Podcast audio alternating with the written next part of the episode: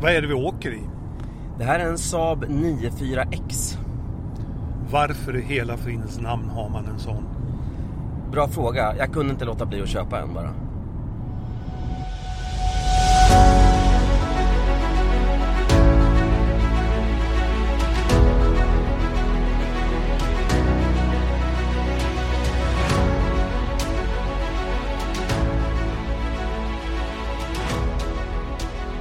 Hej alla lyssnare! Det ni hörde inledningsvis var en provkörning som vi återkommer till senare. Välkomna till podden Gubbar som tjötar om bilar. Avsnitt nummer 18 med mig Ola Sigvardsson och med Håkan Mattsson. Hej Håkan! Hur är läget? Det har inte varit så bra på sistone har jag förstått. Nej, jag fick ju covid för tredje gången.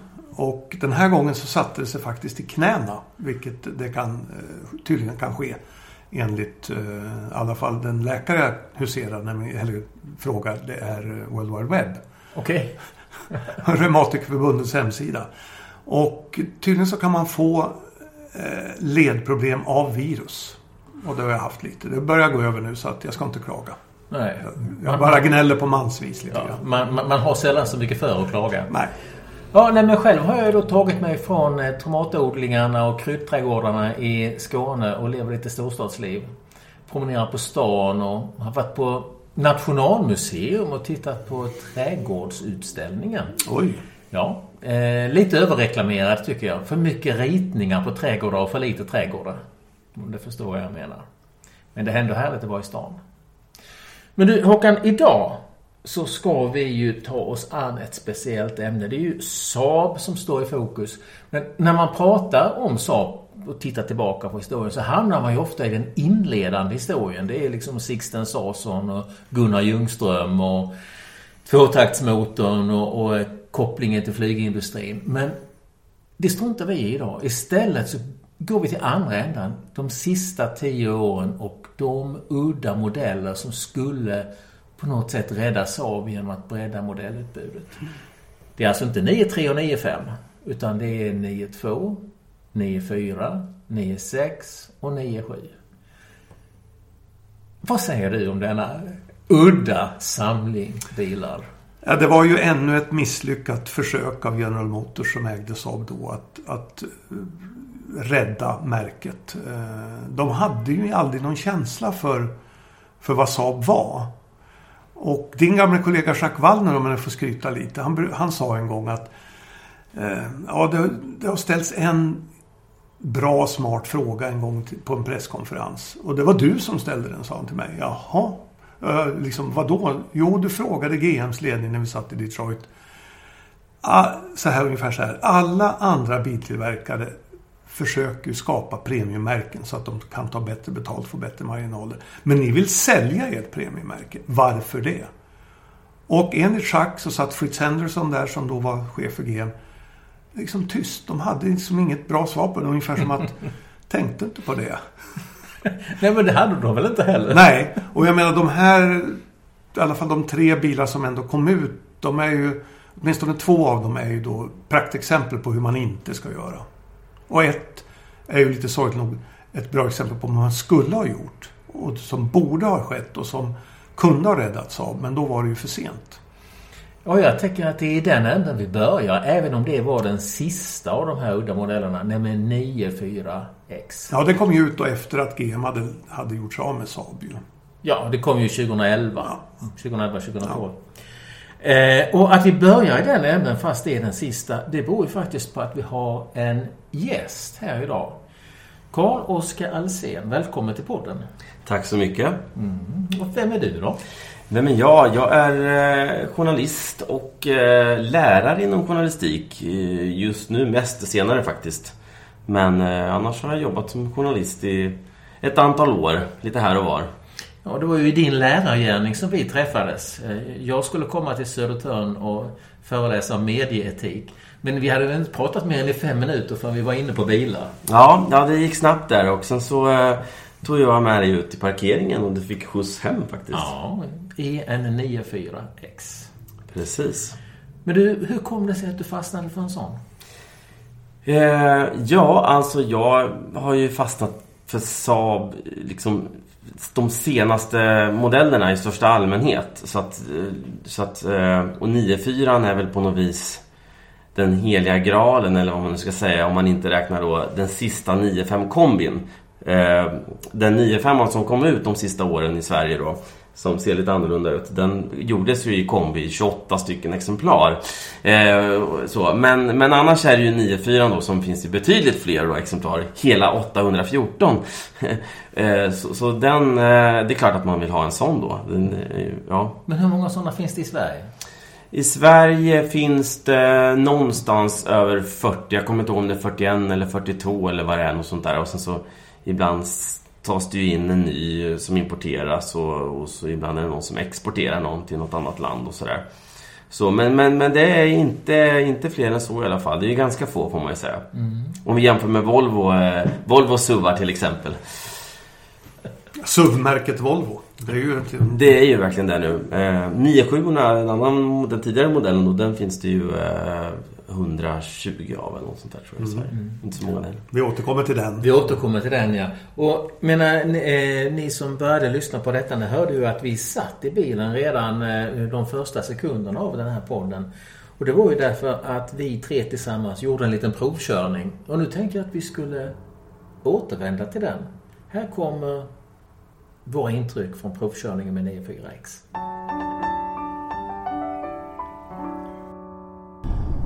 Berätta, vad är det här för bil? Det här är en Saab 94X. Det här projektet startades ju under GM-tiden. Och så vitt jag kommer ihåg, du får rätta mig nu, så är den här bilen gjord i Mexiko. Den är gjord i Mexiko, precis. Eh, och på licens då av GM gjorde den. Det var ju så att eh, Victor Muller och Spiker och de här hade ju redan köpt Saab då. Men man hade ett avtal med GM så att deras fabrik där i Mexiko tillverkade den här bilen. Ett tag, i några månader. Jag har för mig att de köpte den styckvis av.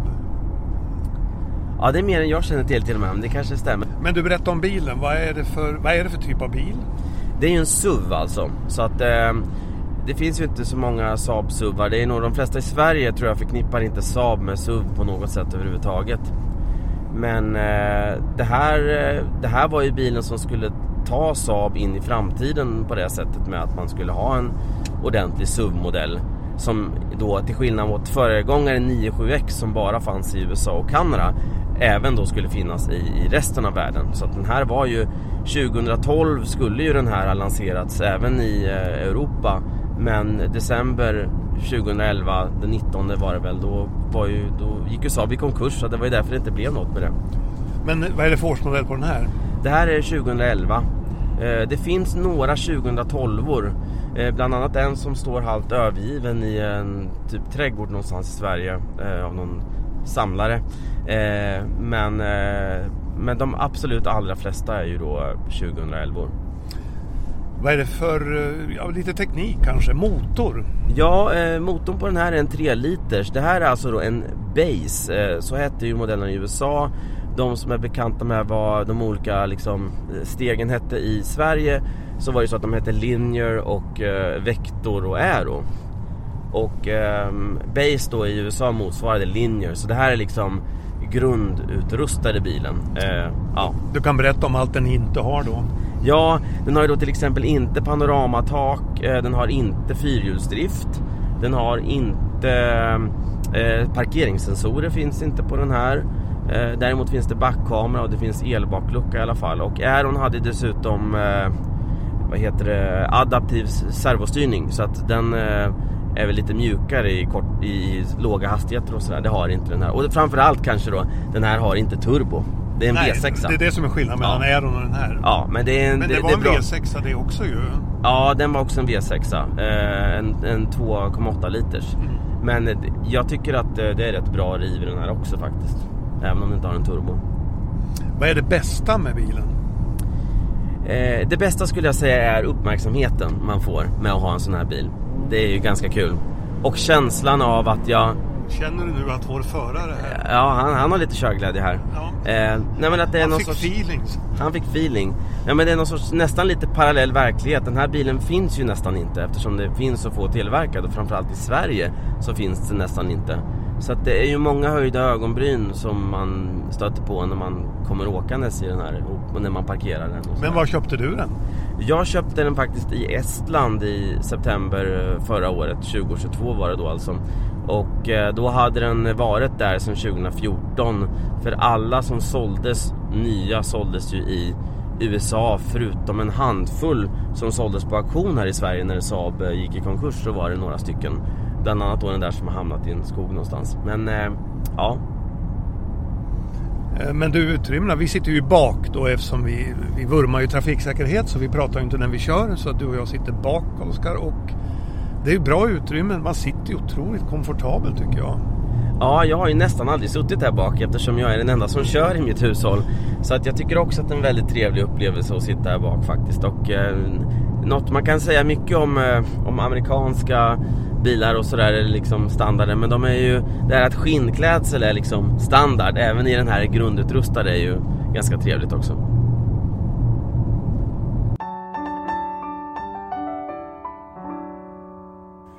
Ja Håkan, nu har vi kört den.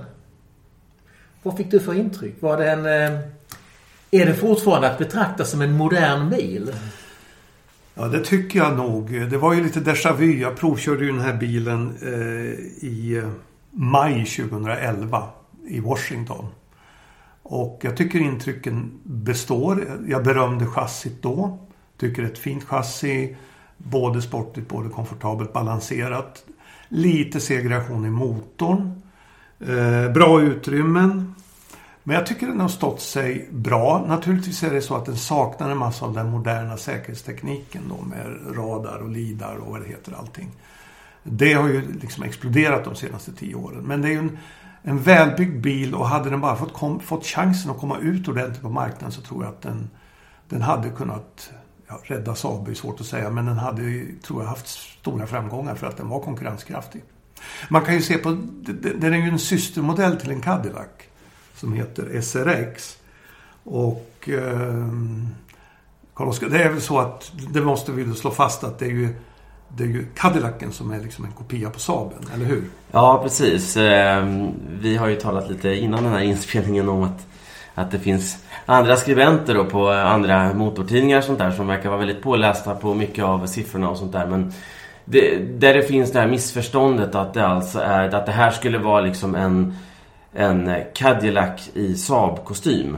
Eh, men det är ju precis tvärtom. Det här, den här utvecklades i Trollhättan tillsammans då med Cadillac SRX. Så det var en, en liksom svensk ingenjör eh, som utvecklade både 94X Saaben och Cadillac SRX parallellt.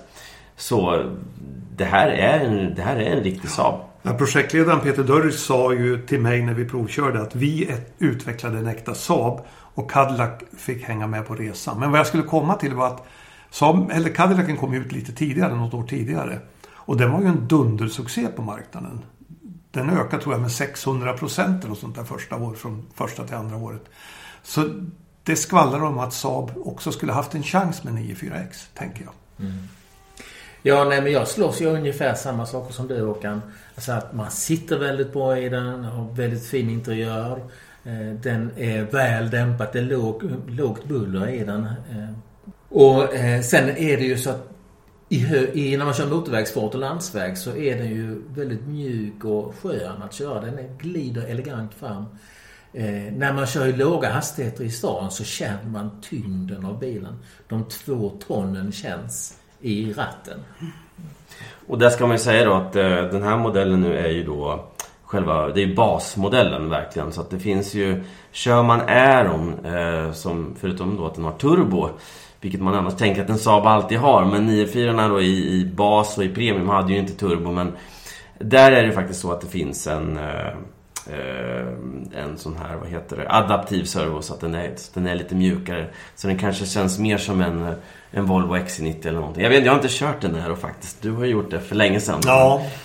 Eh, nej men jag, jag körde ju den här och jag vet inte om jag ska berätta det nu. Jag avslöjar det här nu. Ja, jag tycker nog att du kan komma ut.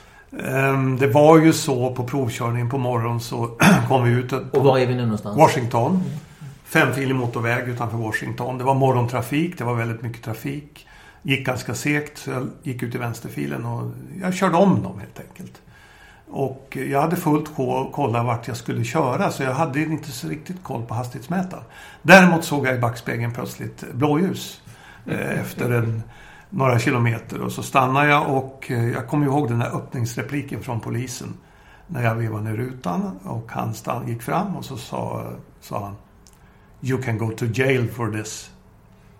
Då vet man att det är allvar. Ja, nu blev det inget fängelse. Jag tror vi släpper den där historien. Jag behövde inte ens böta. Okej. När vi hade pratat färdigt han och jag. För att han sa Did you come all this way to United States to, to go to jail Mr Mattsson? sa han. "Eh, no, I didn't, sa jag. Ja, men åk då, sa han. Ja, men om vi, innan vi släpper 94 så tycker jag ändå att vi ska säga att du som då, vi ska komma till andra bilar som du har haft, men alltså du funderar ju faktiskt på att göra dig av med den. Varför det? Ja, nej, men allt har ju sin tid. Ehm, jag har ju... De, det här är ju fjärde Saaben jag har och eh, jag har väl haft alla i ungefär ett år.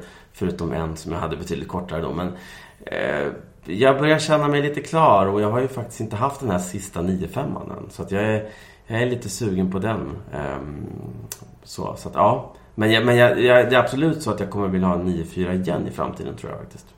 Eller nej, jag vet. En dyster sak, en annan dyster sak med 94 var ju att den var ju egentligen utvecklad för att ha dieselmotor.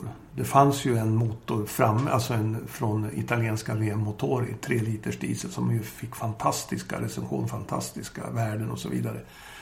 Men då hade ju GM just brutit samarbete med Fiat så att det blev ju aldrig någon diesel. Och jag menar, skulle den här bilen ha sålts i Europa då, på sin tid, så var ju 80-90% av segmentet var diesel. Så att eh, de slarvar ju bort det där också.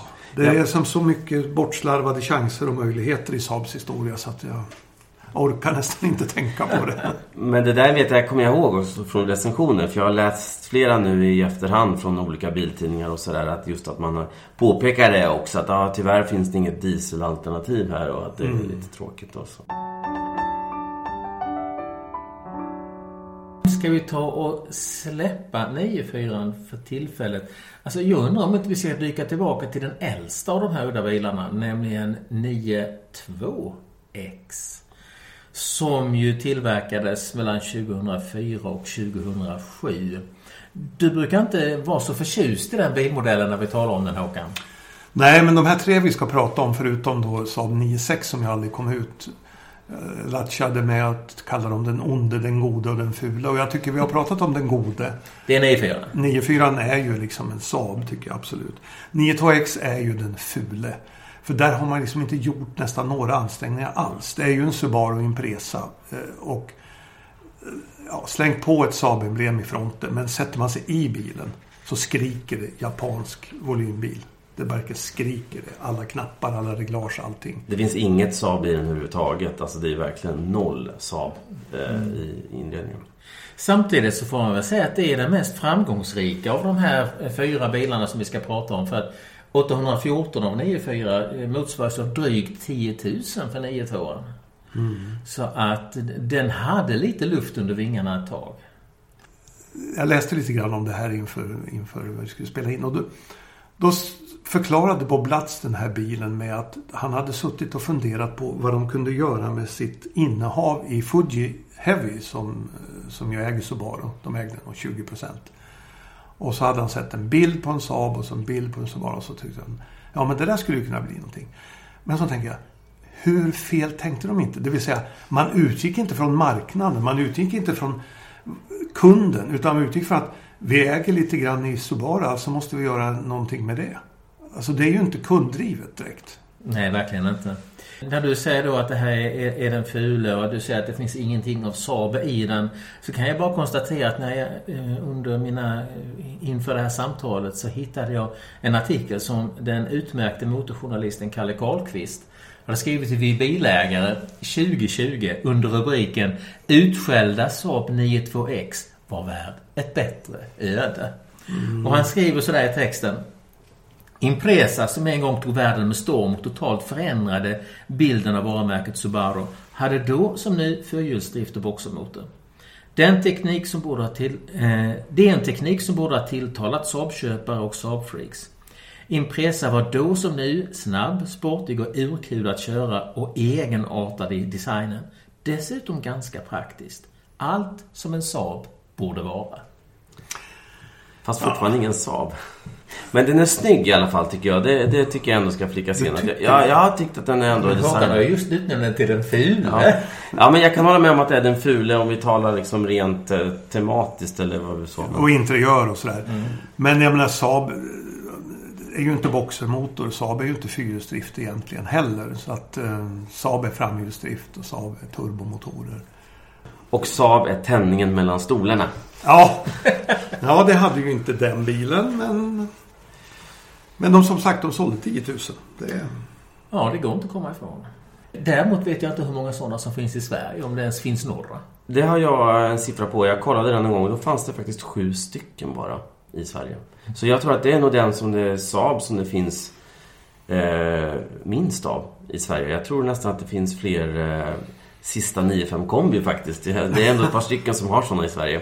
Det kanske är jämnt skägg där men, eh, men jag tänker där att eh, till skillnad mot senare modeller då, som vi ska prata om här så kanske det fanns en anledning att importera den. Men här var det ju liksom bara att, ja men vill man ha den här bilen då gick man och köpte en Subaru Impresa så hade man ju den bilen. Men jag, jag minns, eh, jag har ett minne från när jag såg den första gången i Linköping. Och det var innan jag var Saab-fantast. Och då såg jag, vad 17 är det här för en Saab? För så mycket hade jag koll på att det här är inte en 9-3 eller 9-5. Och så berättade jag det för en annan eh, gubbe som jag kände där som var Saab-fantast, eller i alla fall Saab-kännare. Och han var, nej men du måste ju mena den här och den här. Nej, nej, nej, den såg annorlunda ut. Det här är ingen 9-3. Så det var till och med så att vi fick åka till en Saab-handlare. Och, eh, och så skulle han liksom, vi skulle ta reda på vad det här var. Och då fick jag se i en glasmonter så var det en miniatyrbil då, modellbil som jag senare köpte också på 92. Så att, den där är det, sa jag. Och då sa han, ja då förstår jag varför du inte visste. För den där är inte, inte många av. Men eh, det, fanns, det fanns ändå i Linköping i alla fall. Så småningom så sålde ju GM eh, sitt innehav i Subaru.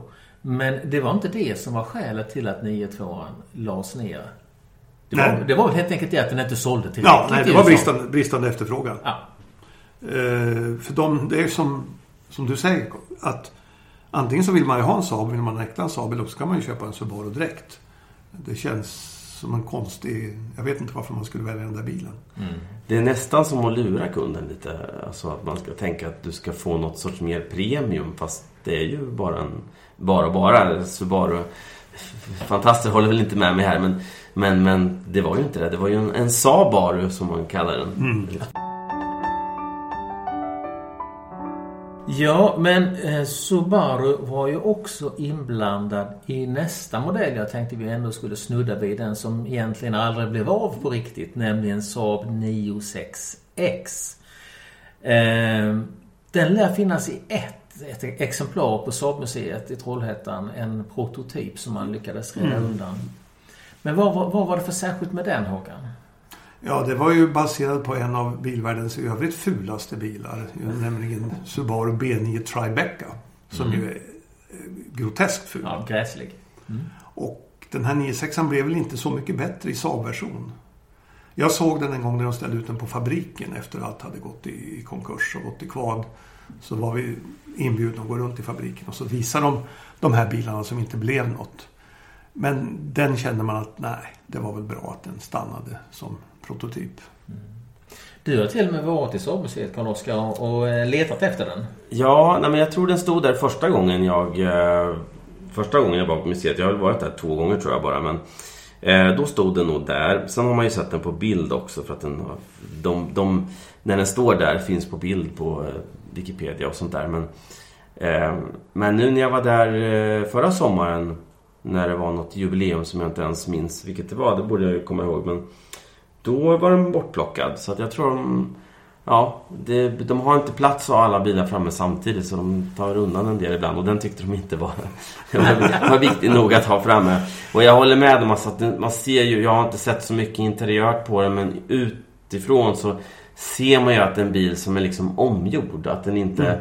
är riktig Saab-DNA utan man har liksom försökt stuva om den. Som jag kan också tycka att man faktiskt ser på 9-2 också även om jag då tycker att den ändå ser ganska bra ut. Men ja, det märks att det är någon sorts nödlösning. Men när jag satt och tittade på de här modellerna så snubblade jag över någonting som ni kanske vet mer om än jag. Nämligen något som kallas för 96C. 96 Coupé. Eh, det var alltså en bil som, som blev omskriven som det fanns ritningar på. Skulle tillverkas i USA. Sportcoupé, eh, bakhjulsdrift men skulle kallas för Saab.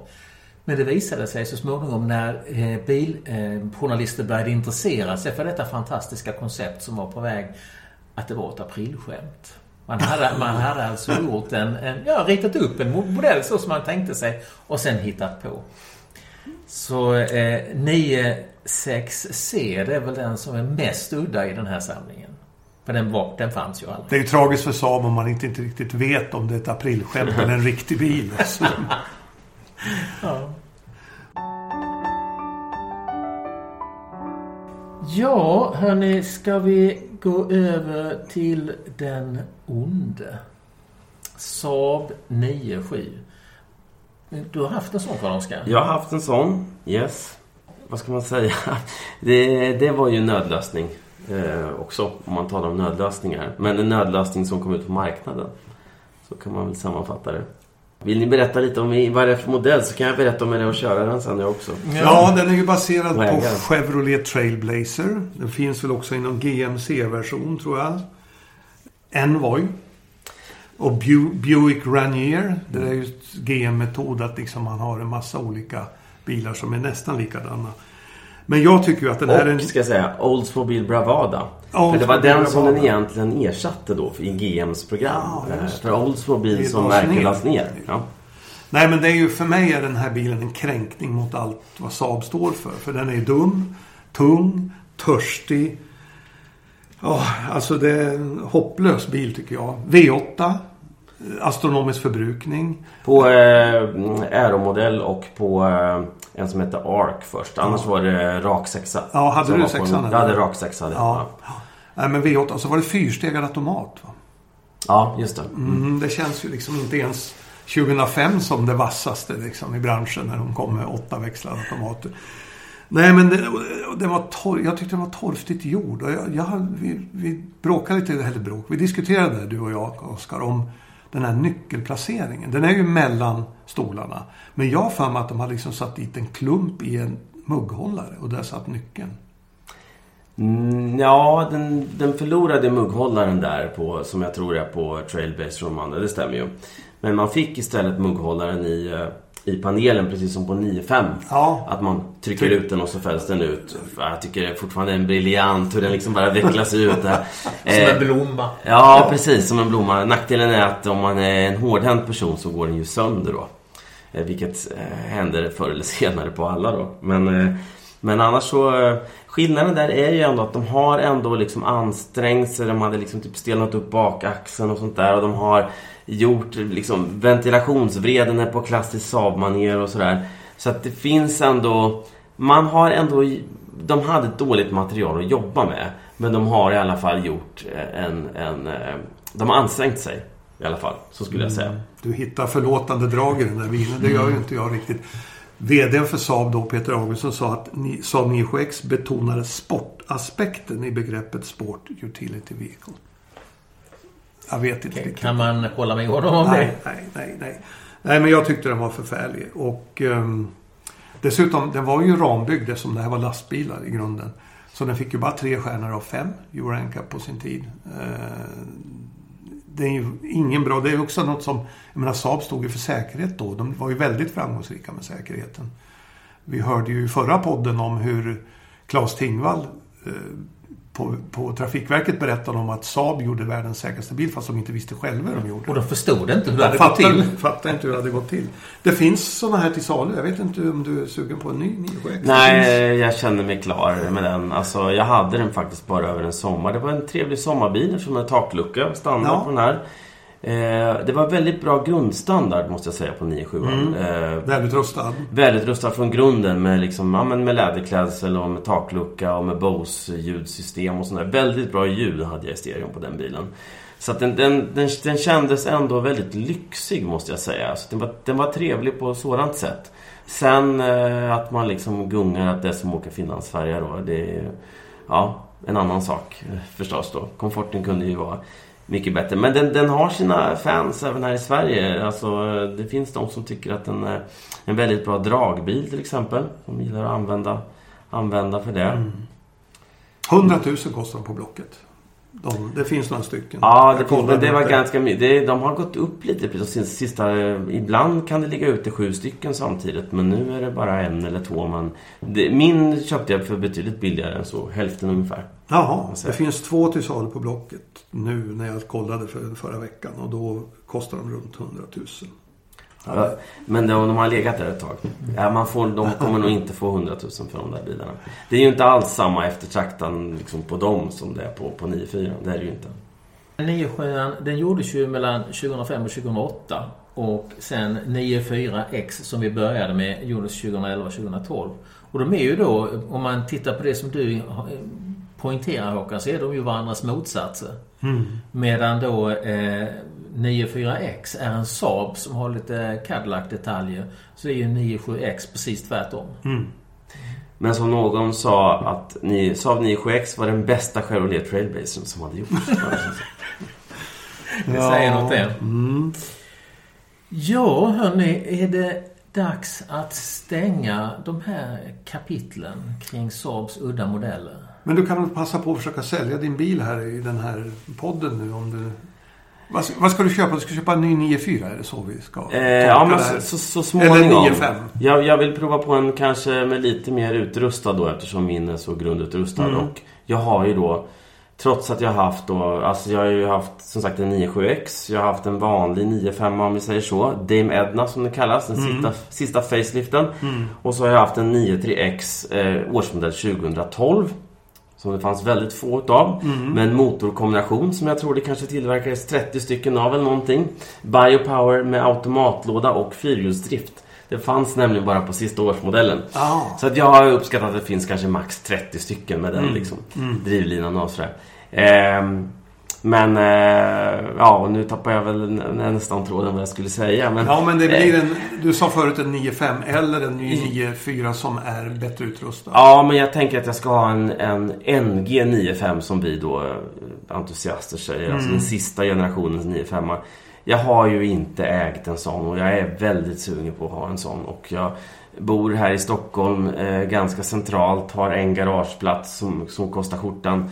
Så att jag kan inte ha båda bilar samtidigt tyvärr. Så att eh, det är därför den här eh, bilen nog får gå vidare snart här fast jag har eh, Fast den är klar. Jag har änt, äntligen klar med den. Nu är den liksom i perfekt skick.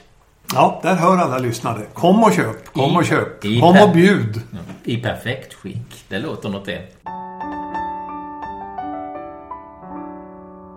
Därmed så är det väl så Håkan att det är dags för oss att säga tack för den här våren. Detta lägger vi ut strax dagarna innan midsommar. Så, eh, och efter det så tar vi ju sommarlov. Ja, Men, men vi hörs ju igen. absolut. Typ. Augusti tror jag. Ja, augusti. Låg jag för mycket nu? Nej, nej. Augusti blir säkert jättebra.